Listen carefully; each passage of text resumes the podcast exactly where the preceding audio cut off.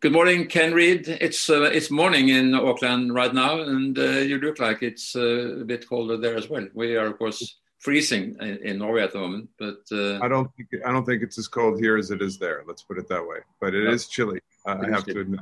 Yeah, I'm happy that we caught you sort of in between. Um, in between uh, the uh, the drama that was and the drama that is going to be, I'm sure, in the real hmm. um, Prada Cup finals between the Italians and uh, and the Brits in in a week's time.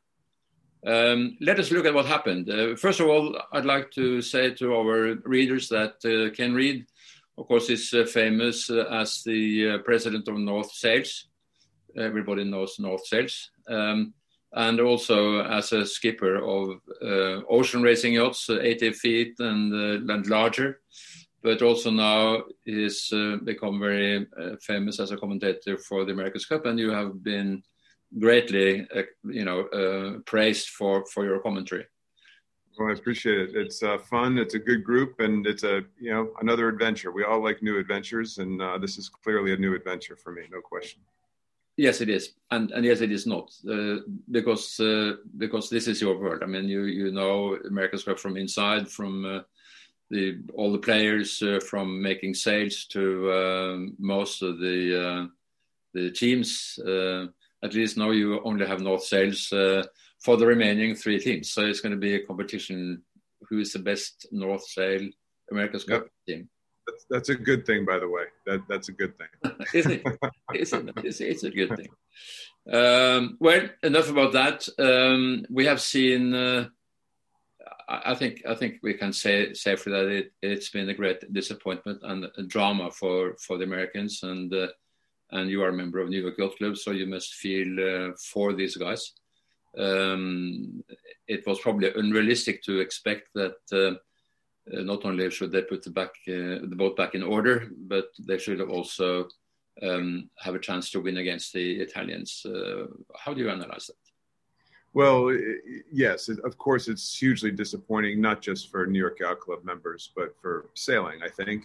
You know, so a couple things that stand out, and I don't think this is really speaking out of school, but it's how this schedule snuck up on everybody that it just seems we started like two days ago, and all of a sudden one of the teams is leaving. It, it was really I'm surprised the teams agreed to this, and they have to agree to this unanimously a long time ago. You know, I I just think all these teams were well funded, powerful, and none of them thought that they would be the first one to go home.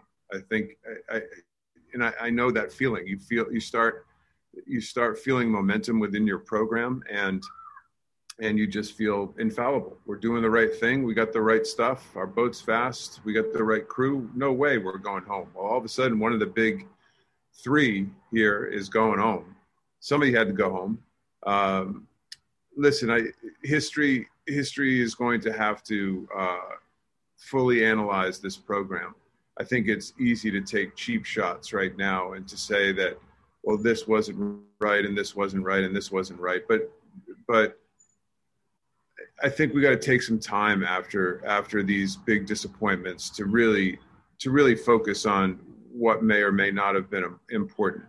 Uh, I, I, think it's yeah. I, I, think it's too easy to criticize design teams or mass sale programs. Or I, I read an article the other day about leadership, and nobody knows. Honestly, nobody knows except the people within those four walls. I'm guessing that uh, Roger Penske and Hap Fauth and Doug DeVos, if they're interested in continuing in the future, they'll bring in an outside resource to analyze this. If you, if you let if you let your own, it, it's like you know we're, we have wonderful uh, uh, leadership and ownership in a, in a firm called Oakley Capital for North Sails, and people always look at that. They say, "Oh, poor you," you know, you guys are owned by private equity.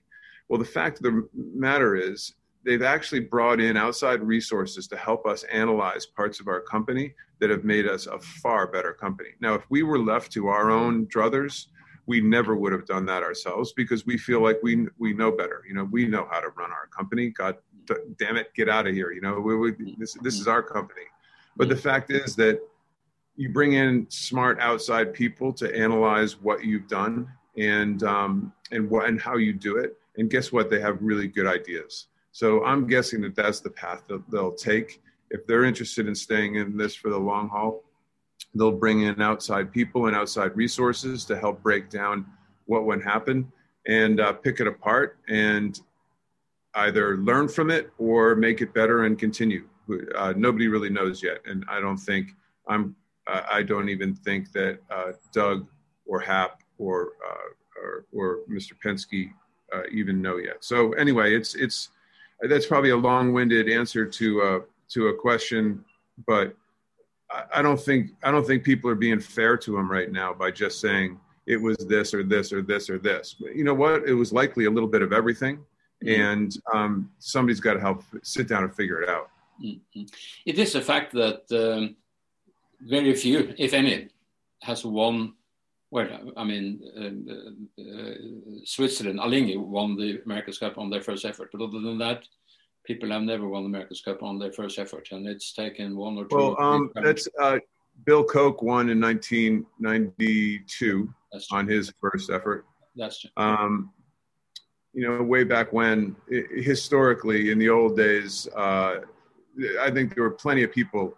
I think that's exaggerated, actually. I think a lot of people have won on their first effort.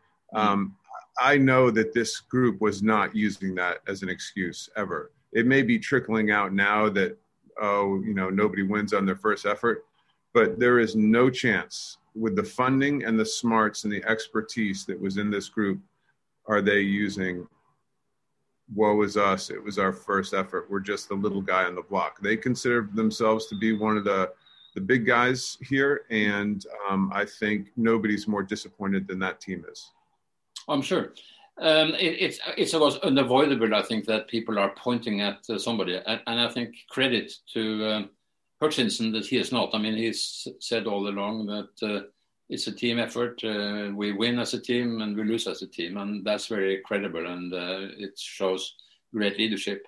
But from outside, there have been fingers pointed in certain directions, and uh, of course, um, uh, this first capsize, which shouldn't have happened. There were a lot of circumstances. Uh, it was blowing.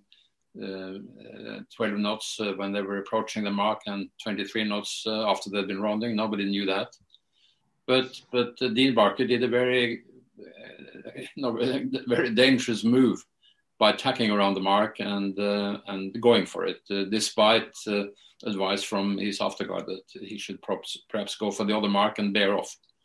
Mm. Um, and of course, that was the the, the start of of everything. And uh, perhaps they were desperate. They had done very poorly in that series after having been favored beforehand. I think everybody expected the Americans to do very well after the Christmas series. They were the best um, of the challenging teams. They were the only one to beat uh, New Zealand, and, and, you know they looked very strong. And suddenly, uh, not the least, the, the British had sort of bypassed them uh, over a very short period of time unexpectedly, and they seemed to be losing form. And uh, so, of course, they had this victory, I think, in their pocket, more or less, uh, and they made an error of judgment. What do you think of that? Error of judgment is probably right. Uh, there was certainly, uh, in breaking it down kind of frame by frame, there were certainly people on board that boat that did not want to do that maneuver. Uh, whether it was too late to change or not, that's a whole other subject.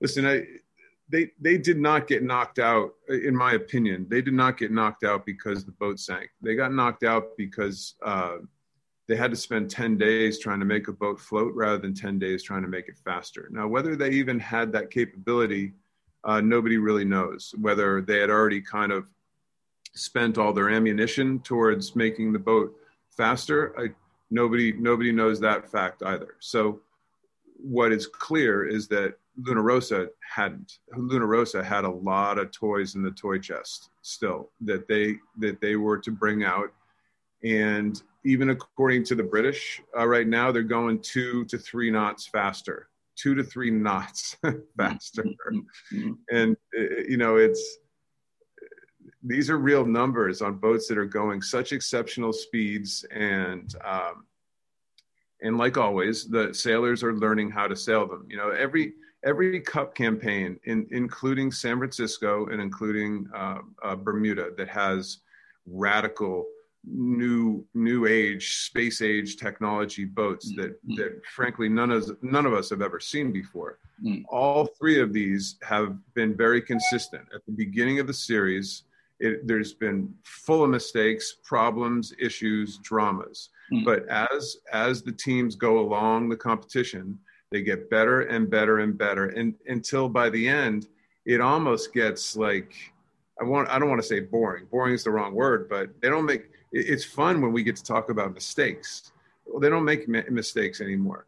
Prada made a huge jump in speed and sailing ability over that 10 day period, Mm. while Luna Rossa, uh, well, sorry, while American Magic was patching their hole and trying to put systems Mm. almost do the impossible. You know, try to completely recreate electric, electrical and um, hydraulic systems inside the boat.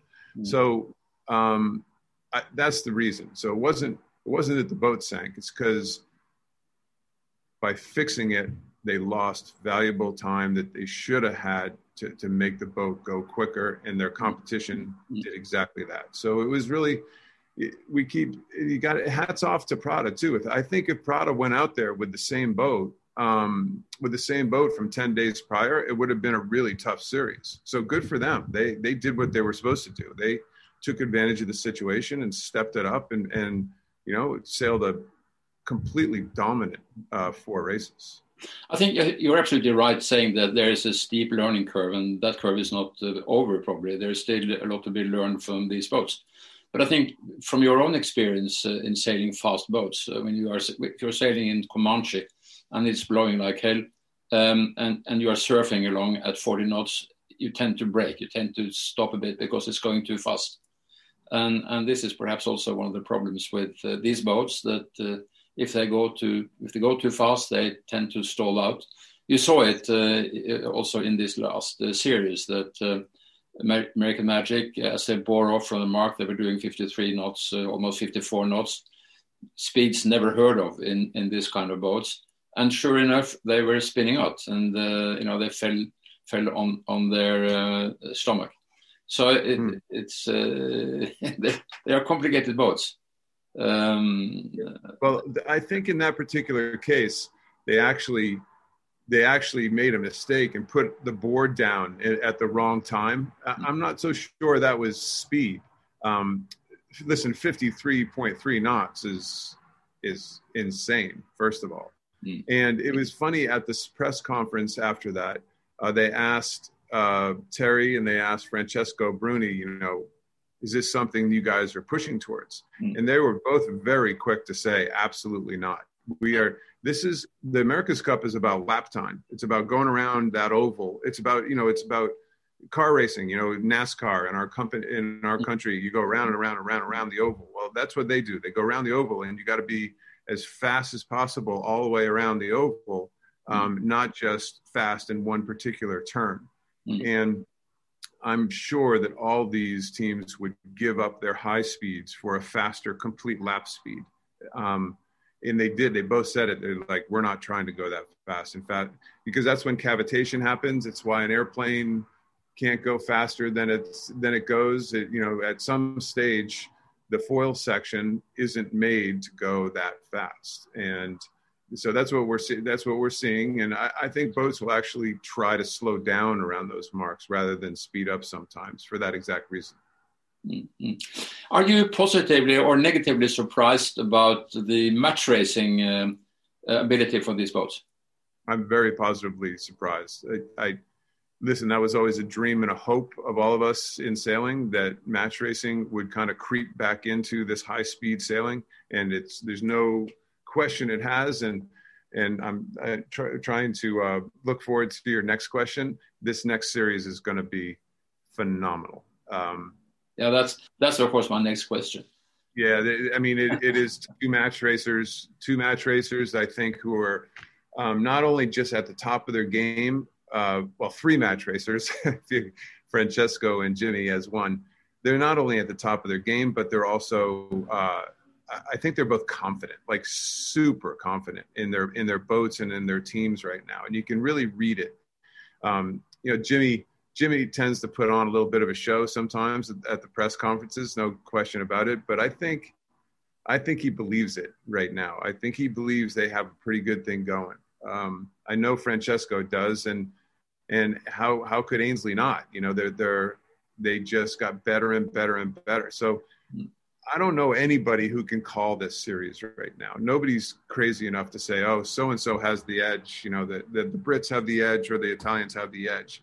I, I, I don't see it. I, I honestly, we have gone through it up and down and back and forth, and I would be really, really surprised if it wasn't a good, long, tough series of which things come out of it like wow, never thought we'd see that before. You know, I, I think we're going to say that to ourselves a lot as fans mm-hmm. of sailing. Wow, mm-hmm. holy mm-hmm. mackerel, I didn't see that coming. Right. And uh, yeah, let, us just hope that sailing is the one who wins here in the end with a great, great series. What what what has happened is that the Italians have changed their configuration slightly. I mean, they were being criticized for being, being two helmsmen, and how were they going to deal with that? Uh, I mean, in the start, for instance, and, and also during the race. They seem to have been looking at that, and they now have a, a tactician who is uh, watching the mainsail and who's uh, also having his eyes uh, out of the boat all the time, which yeah. probably has been an improvement. Yeah. So Pietro, um, listen, he's he's got great Olympic uh, heritage himself. So he's he's none of these guys are any dummies when it comes to sailboat racing, but they're clearly asking him to look around, especially downwind, uh, and kind of look at the big race, the big picture of the race course. That may have settled down uh, Jimmy and Francesco a little bit. But also remember, they weren't really pushed in this last series. One of the things I actually read, which I thought was smart, is it's easy to have a quiet boat when when there isn't somebody breathing down your neck. Mm. So let's let's let's still, you know, I I think the jury is still out on this, under pressure in a tough spot uh, how this, you know, how two brains react um, instead of just one. Mm-hmm. And uh, you know, I, I'm I'm just really curious to see. Good for them for trying for trying something new and different for trying to gain an edge out of it. But uh, let's see let's see a boat race that's within meters and and make sure and see that if, if this thing can happen. Because but remember the last race we saw them against Ben Ainslie in Ineos, uh, they uh, had a really tight race mm-hmm. and lost the race and and had a couple chances to put the race away and lost the race and Ineos wasn't at full strength because of their Cunningham problem. So, you know, it, let's let's see him under pressure. Let's see him make it work under pressure. Do you think that this um, it's not a penalty yet because it's just a warning? But do you think this warning against uh, Ben is too harsh?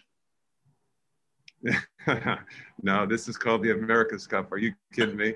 Uh, this is looking for any advantage possible. Um, if you can stick it to your buddy, that's the way it works. That that's uh, sorry, nobody should be surprised, and um, yeah, nobody should be surprised. This is how the game has always been played.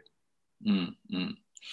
Well, Ken, thank you very much for your analysis. Uh, it's been, uh, as always, uh, when you come and make your commentary, it's been uh, thorough and uh, and very uh, helpful for, for all of us.